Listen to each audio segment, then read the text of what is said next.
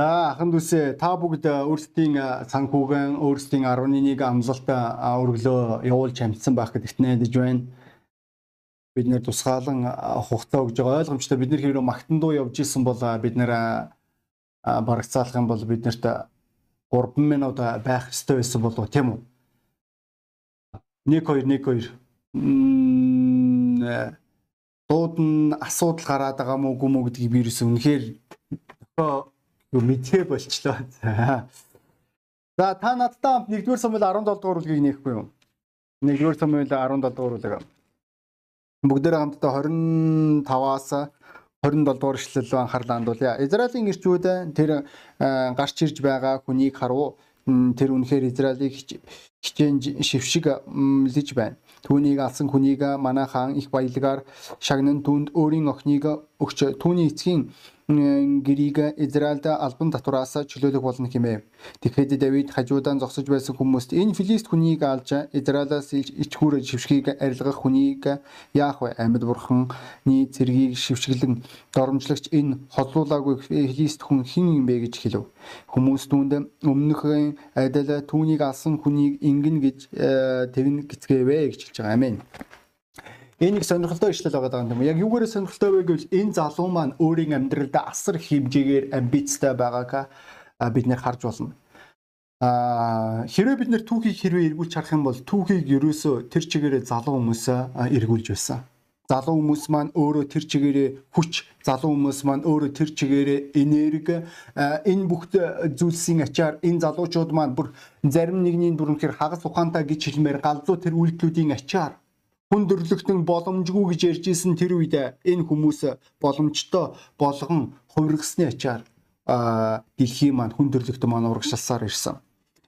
Саяхан би тэр Туа Фижигийн арлын Туа Вансули гэдэг энэ иргэд маань 136 жилийн өмнө Томас Бейкер гэдэг хүнийг барьж ицсэндээ уучлалтгүй тэдний түрүү түүний үр удмаас албан ёсоор уучлалтгүйсэн тэр үйл ажиллагааны талаар уншсан. Тэгэд миний ойлгож байгаагаар Томас Бейкер гэдэг энэ хүн маань тухайн үед идэр залуу хүмүүсийн нэг байлаа. Тэрээр 20 гарсан мөн магадгүй бүр 20-оос доошоо настай байсан болов тэрээр галзуу үйлдэл хийхэд бэлэн байсан. Өнөөдөр хэрвээ орчин үеийн залуучуудыг хэрвээ харах юм бол эсэргээрээ болсон гэдгийг та бүгд мэдж байгаа. Илүү болгоомжтой болж байгаа, илүү сэрэмжтэй болж байгаа. Бүр эсэргээрээ бид нэр эморж эхэлж байгаа. Энэ маань өөрөө бидний нийгмийн тэр чигээр нь эзэлж байгаа сүнс гэж хэлж болно олон залуучууд хэрвээ бид нэр одоо байгаа энэ нөхцөл байдлыг харах юм бол олон залуучууд хизээч тэд нэр түүхийг эргүүлж чадахгүй. Тэд нэр магадгүй бүр одоо байгаа хөгшин хүмүүсээс ч долоондор амьдралаар амьдарч иж болох. Яг яагаад яагаад бол тэдний амьдралд юу ч байхгүй учраас тэд нэр юу ч үзээгүй баатарлаг ямар нэгэн зүйл хийж чадаагүй. Сонирхолтой ямар ойлгомжтой тэд нэр нүглийг хийж байгаа тэд нэр завхаарлаа амьдралыг зарцуулж байгаа тэд нэр хар багаасаа тэд нэр бэлгийн амьдралын зүйлс сүрд рүү хутгалдаж байгаа. Тэгээд үүгээрээ тэд нэр өөрсдийнхөө ухаантай эсвэл тэд нэр өөрсдийнхөө мундаг сэргэлэн гişмишний юу ч ярьж болохын. Гэхдээ бодит байдал дээр хэнийг ч хизээч харт амиг эсвэл завхаар мундаг хүн болохоогүй гэдгийг та бүгд мэдж байгаа болов хиний ч ямар ч одоо мундаг харт амигчингийн хөшөө байхгүй. Ямар ч мундаг шүүмжлэгчийн хөшөө байхгүй. Ямар ч гутрагчийн хөшөө байхгүй. Ямар ч завхаарагчийн мундаг хөшөө байдгүй. Яг яагаад вэ? Яагаадгүй түүх ийм хүмүүсийг арчдаг учраас. Тэр бид нэр түүхийг хэрвээ харах юм бол Жанна Дарк гэж нэг эмэгтэй бий. Энэ эмэгтэй маань 13 настай байх үедээ бурхан түүнийг дуудсан гэдэг Францыг маш том мөөхөн хэмжээний англитай тулалдах тэр тулалдаанд нь ялалтанд хүргэсэн үндсэн эмэгтэй октоодын нэг байсан байгаа. 13 настай та шүү. Тэрээр 19 настайда өөрийнхөө ихтгэл үнэмшлээсээ болоод амьдараа галд шатсан. 19 настайда. Тэгвэл бид нэр цаашаага бид нэр өчнөө олон хүмүүсийг ярьж болох юм. Хамгийн одоо тод жишээ болоо хаацсан Тейлер байна. Тэрээр 21 настайдаа хятад руу явсан. 51 жил тэрээр энэ хятад үйлчилж явах хугацаанд 800 гаруй сүм нээсэн байгаа даа. Та нар төсөөлж гинөө 21 настайдаа тэрээр илгээгдээд Тэгээд 800 гаруй сүм 800 гаруй миссионерийг илгээж чадсан түүний нийгэмлэг үнэхээр энэ солиотой гэдгийг та бүгд ойлгож байгаа болов. Энэ бүх зүйлсүүд маань тэд нэр залуу байх үедээ тэд нэр итгэлээр амьдарч исэн тэд нэр галзуу зүйлийг хийхэд бэлэн байсан тэд нэр аюулын өдөөс сөрсөн ойлгож байгаа хэвээр энэ бүх зүйлсүүд маань одоо зүгээр зохиолд байдаг болсон болохоос бодит амьдралдаа байгаа байсан болов. Тэгвэл өнөөдөр залуу би чамаас асуумаар байна. Чи өөрийгөө залуу гэж бодож байгаа тэр хүмүүсийн нэг чиний амьдралыг ямар байгаа вэ? Бидний нэшлэл дээр энэ залууг харж болно. Энэ залуу маань амьдралдаа ирмэлзэл тэмүүлэл амбицаар дүүрэн байгаад байгаа. Тэрээр амьдралд ялалт байгуулахыг хүсэж байна. Тэрээр амьдралд ямар нэг юмд хүрэхийг хүсэж байгаа. Тэгээд түүний өмнө Галиат зогсож байгаа. Энэ Галиатыг Галиат түүн дээр хурж ирээгүй шүү дээ. Галиатыг тэр өөрөө олсон.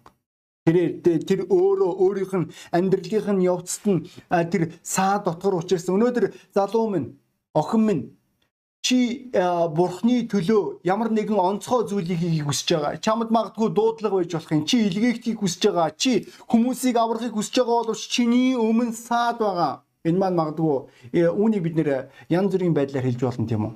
Гэтэ яаж утсан энэ нэг саад чиний өмнө итгэлээрээ амьдрахад, урагшлахад, гайхамшигыг харахад ерөөлийг өөрийн амьдралдаа хүртэхэд хэний ч хийж байгаагүй тэр онгон байгальдаа хөл гიშгэхэд саад болж иж болох юм.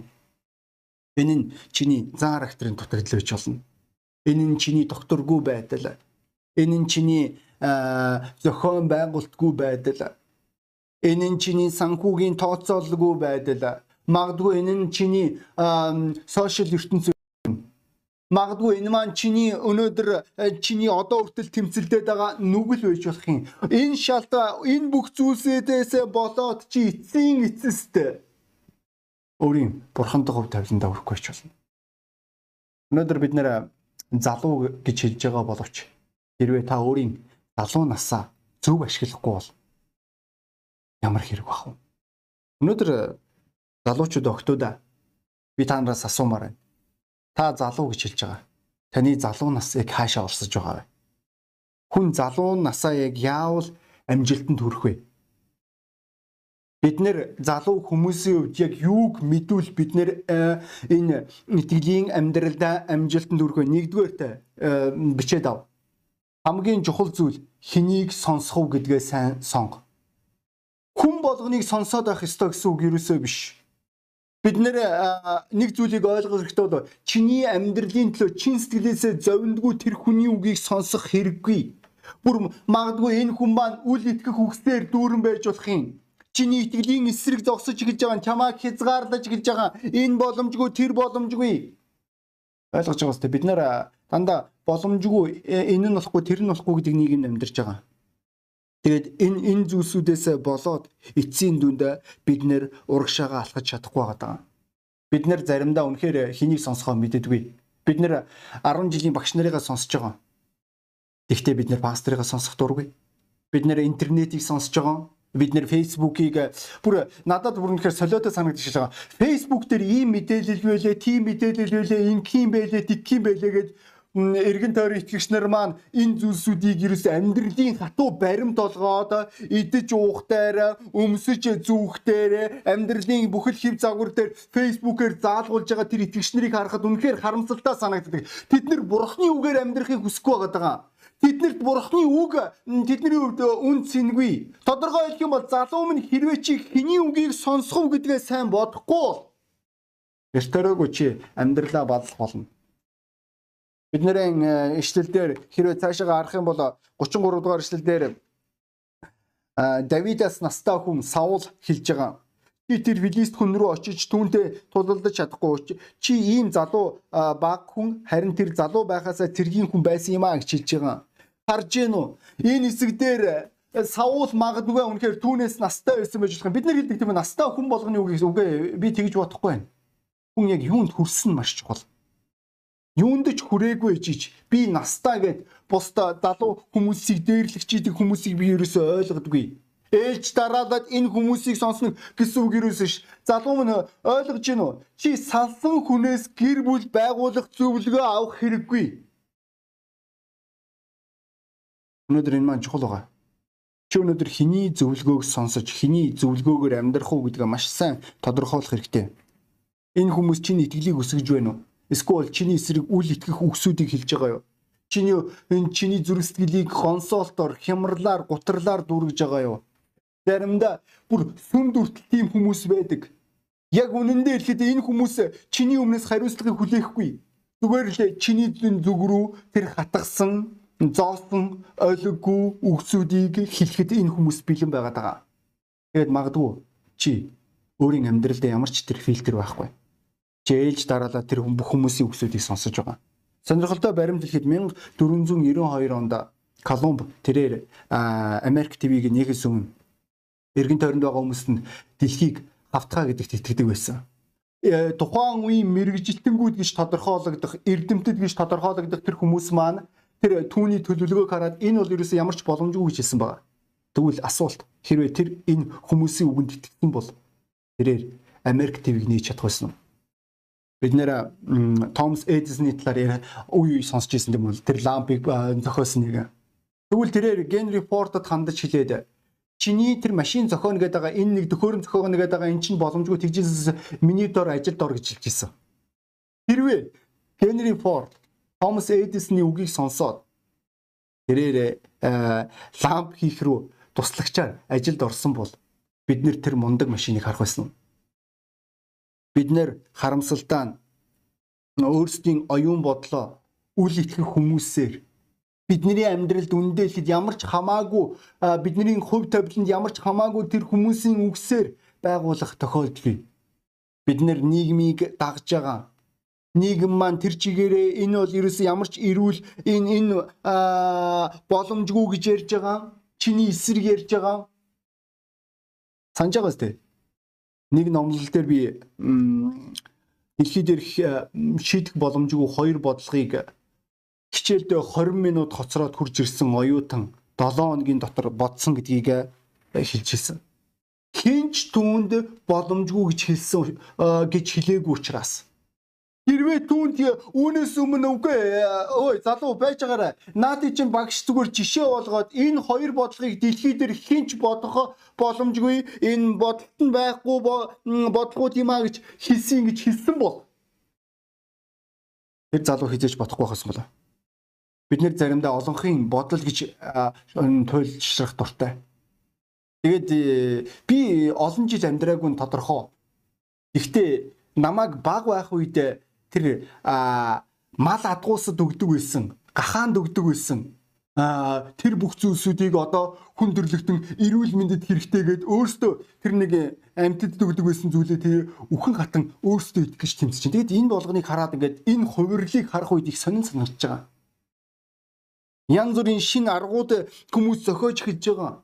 Зүгээр үүний цаана өнөөдөр хүмүүсийн имлэг байдал дээр мөнгө олох арга яригдж байгаа нь тодорхой.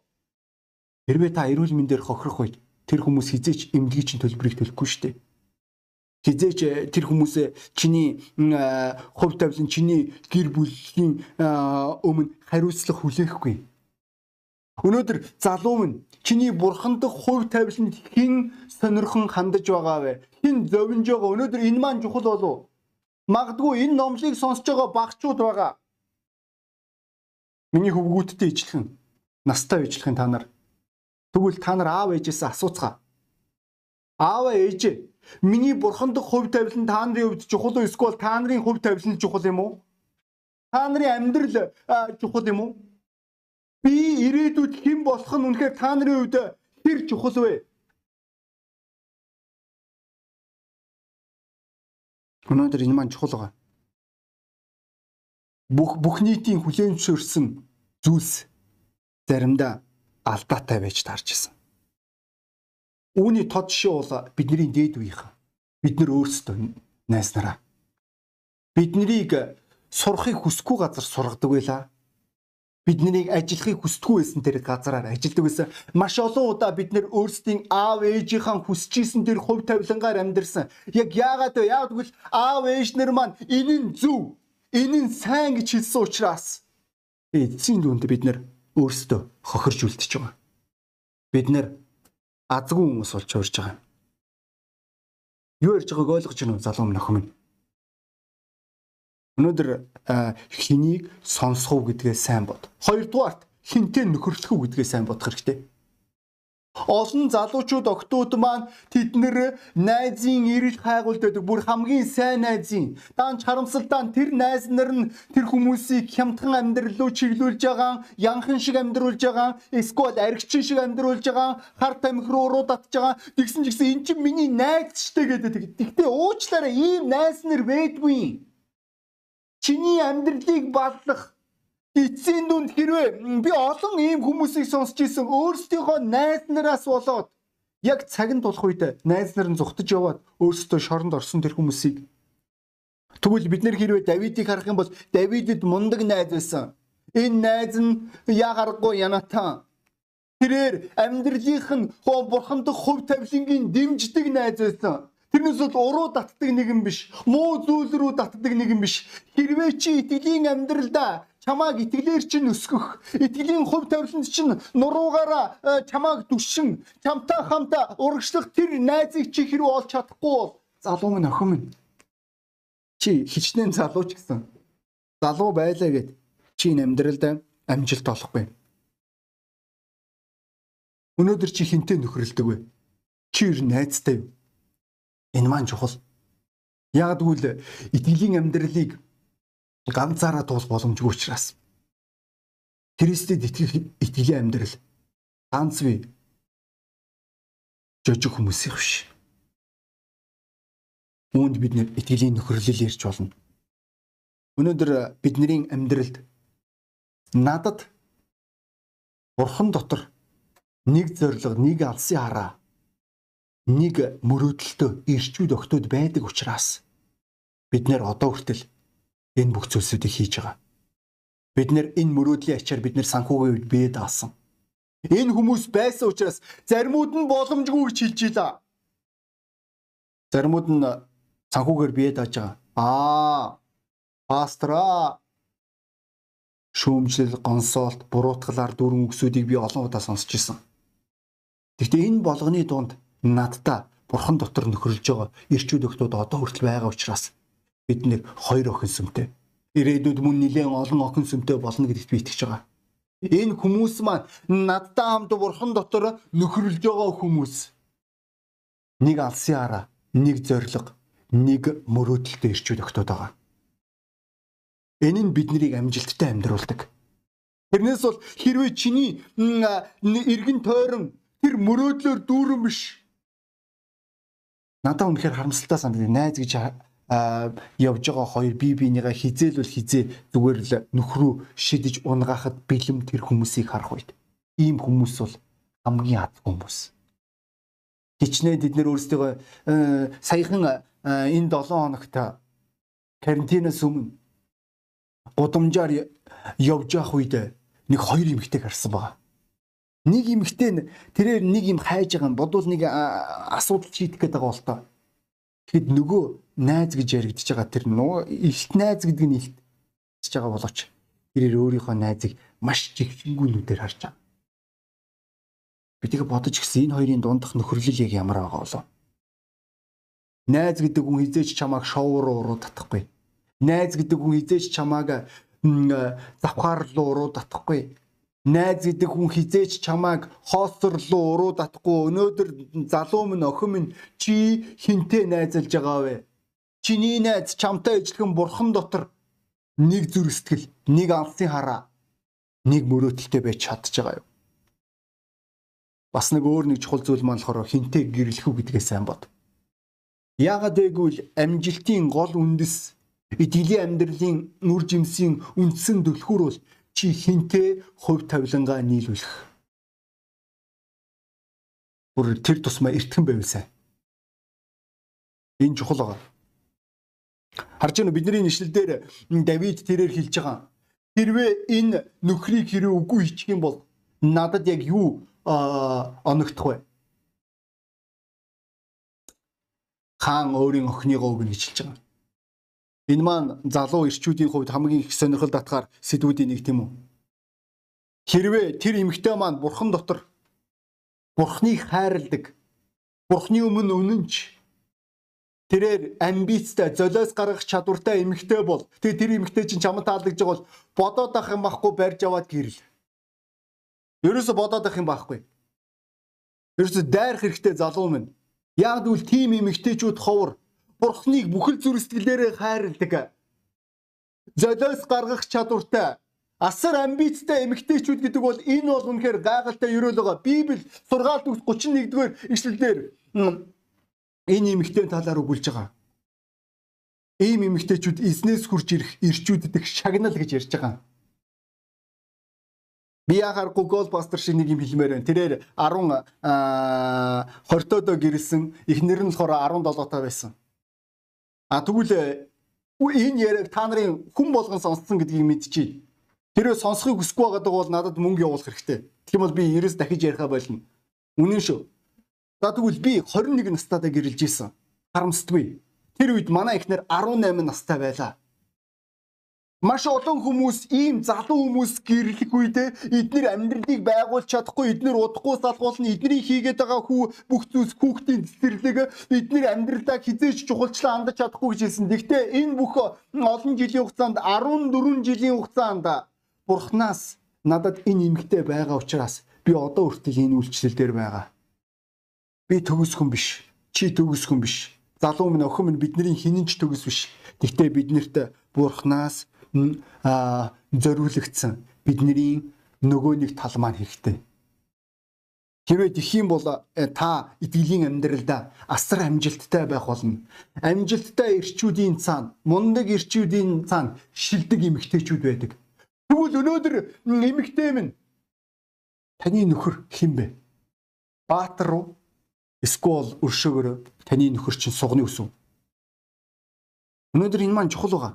Заримдаа эмэгтэйчүүд өөрсдийн нөхрийгөө бурхан дотор ямар хувь тавилантайг нь ерөөсөө санаад нэ. Мөнгө олоодгоо орон герэнд ийм мөнгө хэрэгтэй байна. Хашаа аммаар байна, байшин аммаар байна, машин аммаар байна, ийм юм аммаар байна. Хүүхдүүд ингэмээр үгүй э, охин минь тэр нөхрий чинь бурханд хувь тавилан яг хаашаа явна вэ?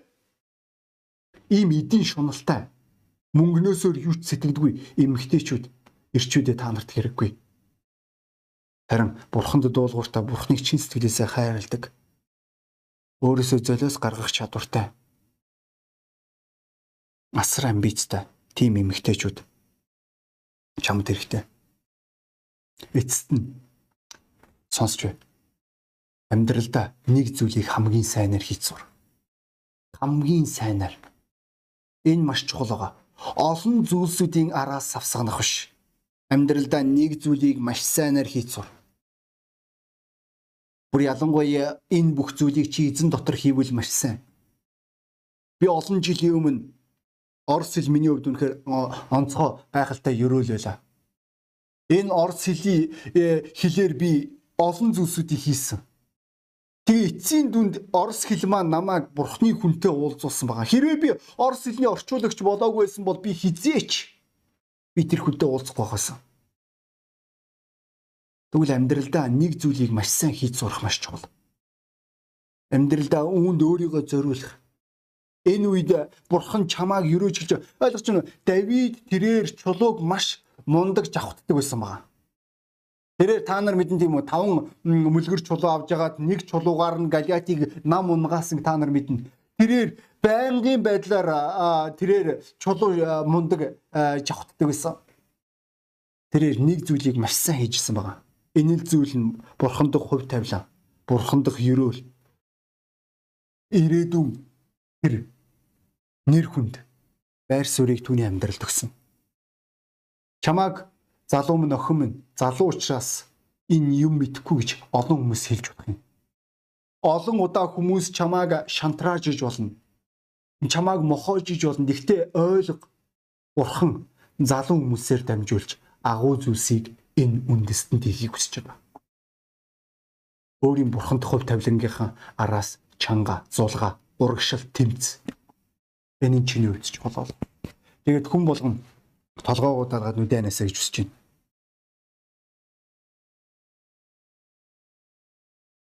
Бид нэр хувь тавилан гэж ярих үед магадгүй та энэ номлыг анх удаа сонсч юм. Таны хувь тавилан яг юу вэ?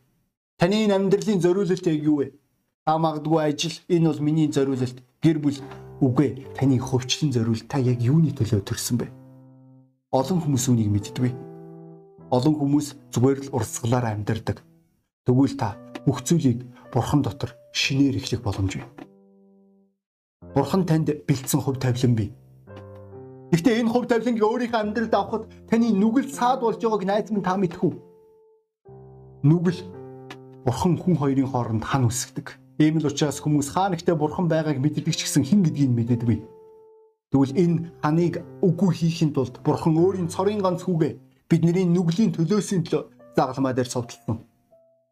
Хүүд итгэх итгэл, бүх хүлээн авах тэр байр суурь таныг бурхан дахь хувь тавилангаараа амьдрахад тус болох болно. Камер асж байгаа гэдэгт найдаж байна. Гайхалтай. Тэгвэл өнөөдөр би таныг амьдралдаа хамгийн чухал шийдвэрийг гаргаасаа гэж хүсэж байна найз минь. Залуу минь, охин минь. Хэрвээ та бурхны өмнө нүгэлтэй бол Та үүнийг ойлгож та бурхны өмнө буруутай. Нүгэл таныг бурхнаас холдуулж байгаа. Тэгвэл бурхан тань руу ойртохыг хүсэж байгаа. Энэ шалтгаанаар өөрийн цорын ганц үгэ золиолсон. Яг яагаад вэ? Яагаад гэвэл бурхан тантай хайртай учраас. Танд түүн түүнээс бэлдсэн хувь тавилан бий. Библи хэлэхдээ би та нарт зориулсан төлөвлөгөө бий. Энэ төлөвлөгөө нь маань гай гамшигт биш харин сайн сайхан димаа гэж хэлж байгаа. Тэгвэл энэ ерөөлийг энэ төлөвлөгөө энэ хувь тавиланг олж авахын тулд та энэ өрөө бурхантай эвлэрэх хэрэгтэй. Эвлэрхийн тулд энгийн имшлийн залбирал бий. Хэрвээ та үнийг хүсэж байгаа бол та чин сэтгэлээсээ залбирах хэрэгтэй. Есүсийн нэрээр бурхнаас нүглийнхэн луучлалт хүн үнийг өөрийн амьдралдаа урьж эцэст нь та Есүсийн нэрээр амен гэж хэлж байна. Хэрвээ та энэ залбирлаар чин сэтгэлээсээ залбирах юм бол Бурхан таны нүглийг өөрчилж тантай эвлэрэхтэй тэрээр та таах болно. Тэрээр таны амьдрал тусалж эхлэх болно. Таны өмнө нээж эхэлнэ. Та яг юуны төлөө бүтээгдсэн? Ямар хувь тавилантайг? Энэ маань гайхалтай гэдгийг би танд хэлмээр байна. Хэрвээ та энэ алхмыг хийсэн бол би танд баяр хүргэе. Та авралыг өөрийн зүгээр нэг энгийн итгэл чин сэтгэлийн энгийн залбирлаараа олж авлаа. Учир нь бүх зүйлийг Бурхан таны өмнөс төлсөн учраас ийм амархан байна. Тэгээд та түүнийг таньж мэдэх хэрэгтэй. Үүний тулд Библи бий. Үүний тулд сүм байгаа. Та биднэртэй холбоо барьж болно. Бид нэр маш таатай болно. Тэгээ би дуудлага өөрчлөмөр. Итгэгч найз минь та залуу. Манай сүмд маш олон залуучууд байна. Гэхдээ тэд нэр өөрсдийн энерги, өөрсдийн хүч, өөрсдийн зориултаа яг юу руу зориулахаа мэдэхгүй зүгээр л нэг эргэлдсэн ингүүл яах вэ, тэгүүл яах вэ, ингэчүүл үгүй ойлго залуу хүн оролдож үз хэрэгтэй. Залуу насандаа их алднаа бүр тэгж ярих юм болоо. Гэхдээ амьдралдаа амжилттай байхын тулд хэнийг сонсох уу гэдгээ сайн бод. Хинтээ нөхөрлөх үү гэдгээ бод. Хинтээ хувь тавилангаа нийлүүлэх үү гэдгээ маш сайн бодох хэрэгтэй Энэ нь чиний хувьд зайлшгүй шийтгэх ёстой нин тэргуунд шийтгэх ёстой алхмуудын нэг. Би чамайг энэ орой шийдвэр гаргаасаа гэж хүсэж байна. Хатуу шийдвэрийг бурхан доторх тэр хувь тавилан дотроо. Би залуу ах үед би маш олон галзуу зүйлсүүдийг хийжсэн. Одоо би харамсахгүй байна. Хэрвээ би тэр зүйлсүүдийг хийгээгүйсэн бол би өнөөдөр нэг шашинлаг сэг тариалаад сууж байгаа. Зүгээр нэг библийг яригч нэгэн. Үгүй ээ энэ нийгэмд өнөөдөр зүгээр Библийг энэ Христийн сургаалыг ярьдаг хүн биш амьдралыг яаж хэрэгжүүлдгийг харуулдаг хүмүүс хэрэгтэй. Тэгвэл Бурхан дотор чамд онцгой хөв тавилан бий.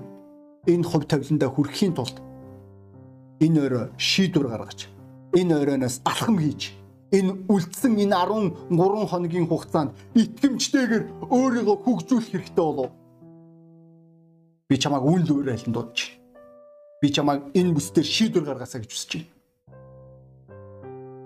Тэгээд бүгдөө эцэст нь номлын төгсгөлд хамтдаа Эхтлоногийн эзэв ихэнлэг бүгдээр хамтдаа залбирцгаая. Тэнгэрлэг зөв өнөөдрийн энэ номлын төлөө тань талархаж чинь эцэм. Таны ивэл таны хар үргэлж биднэрт хамт болтгоо. Есүс Христийн цаар ахан дүүсийн минь вэ нөө. Аамен. За удахгүй ахан дүүсээ зөөмөр холбогцгоё.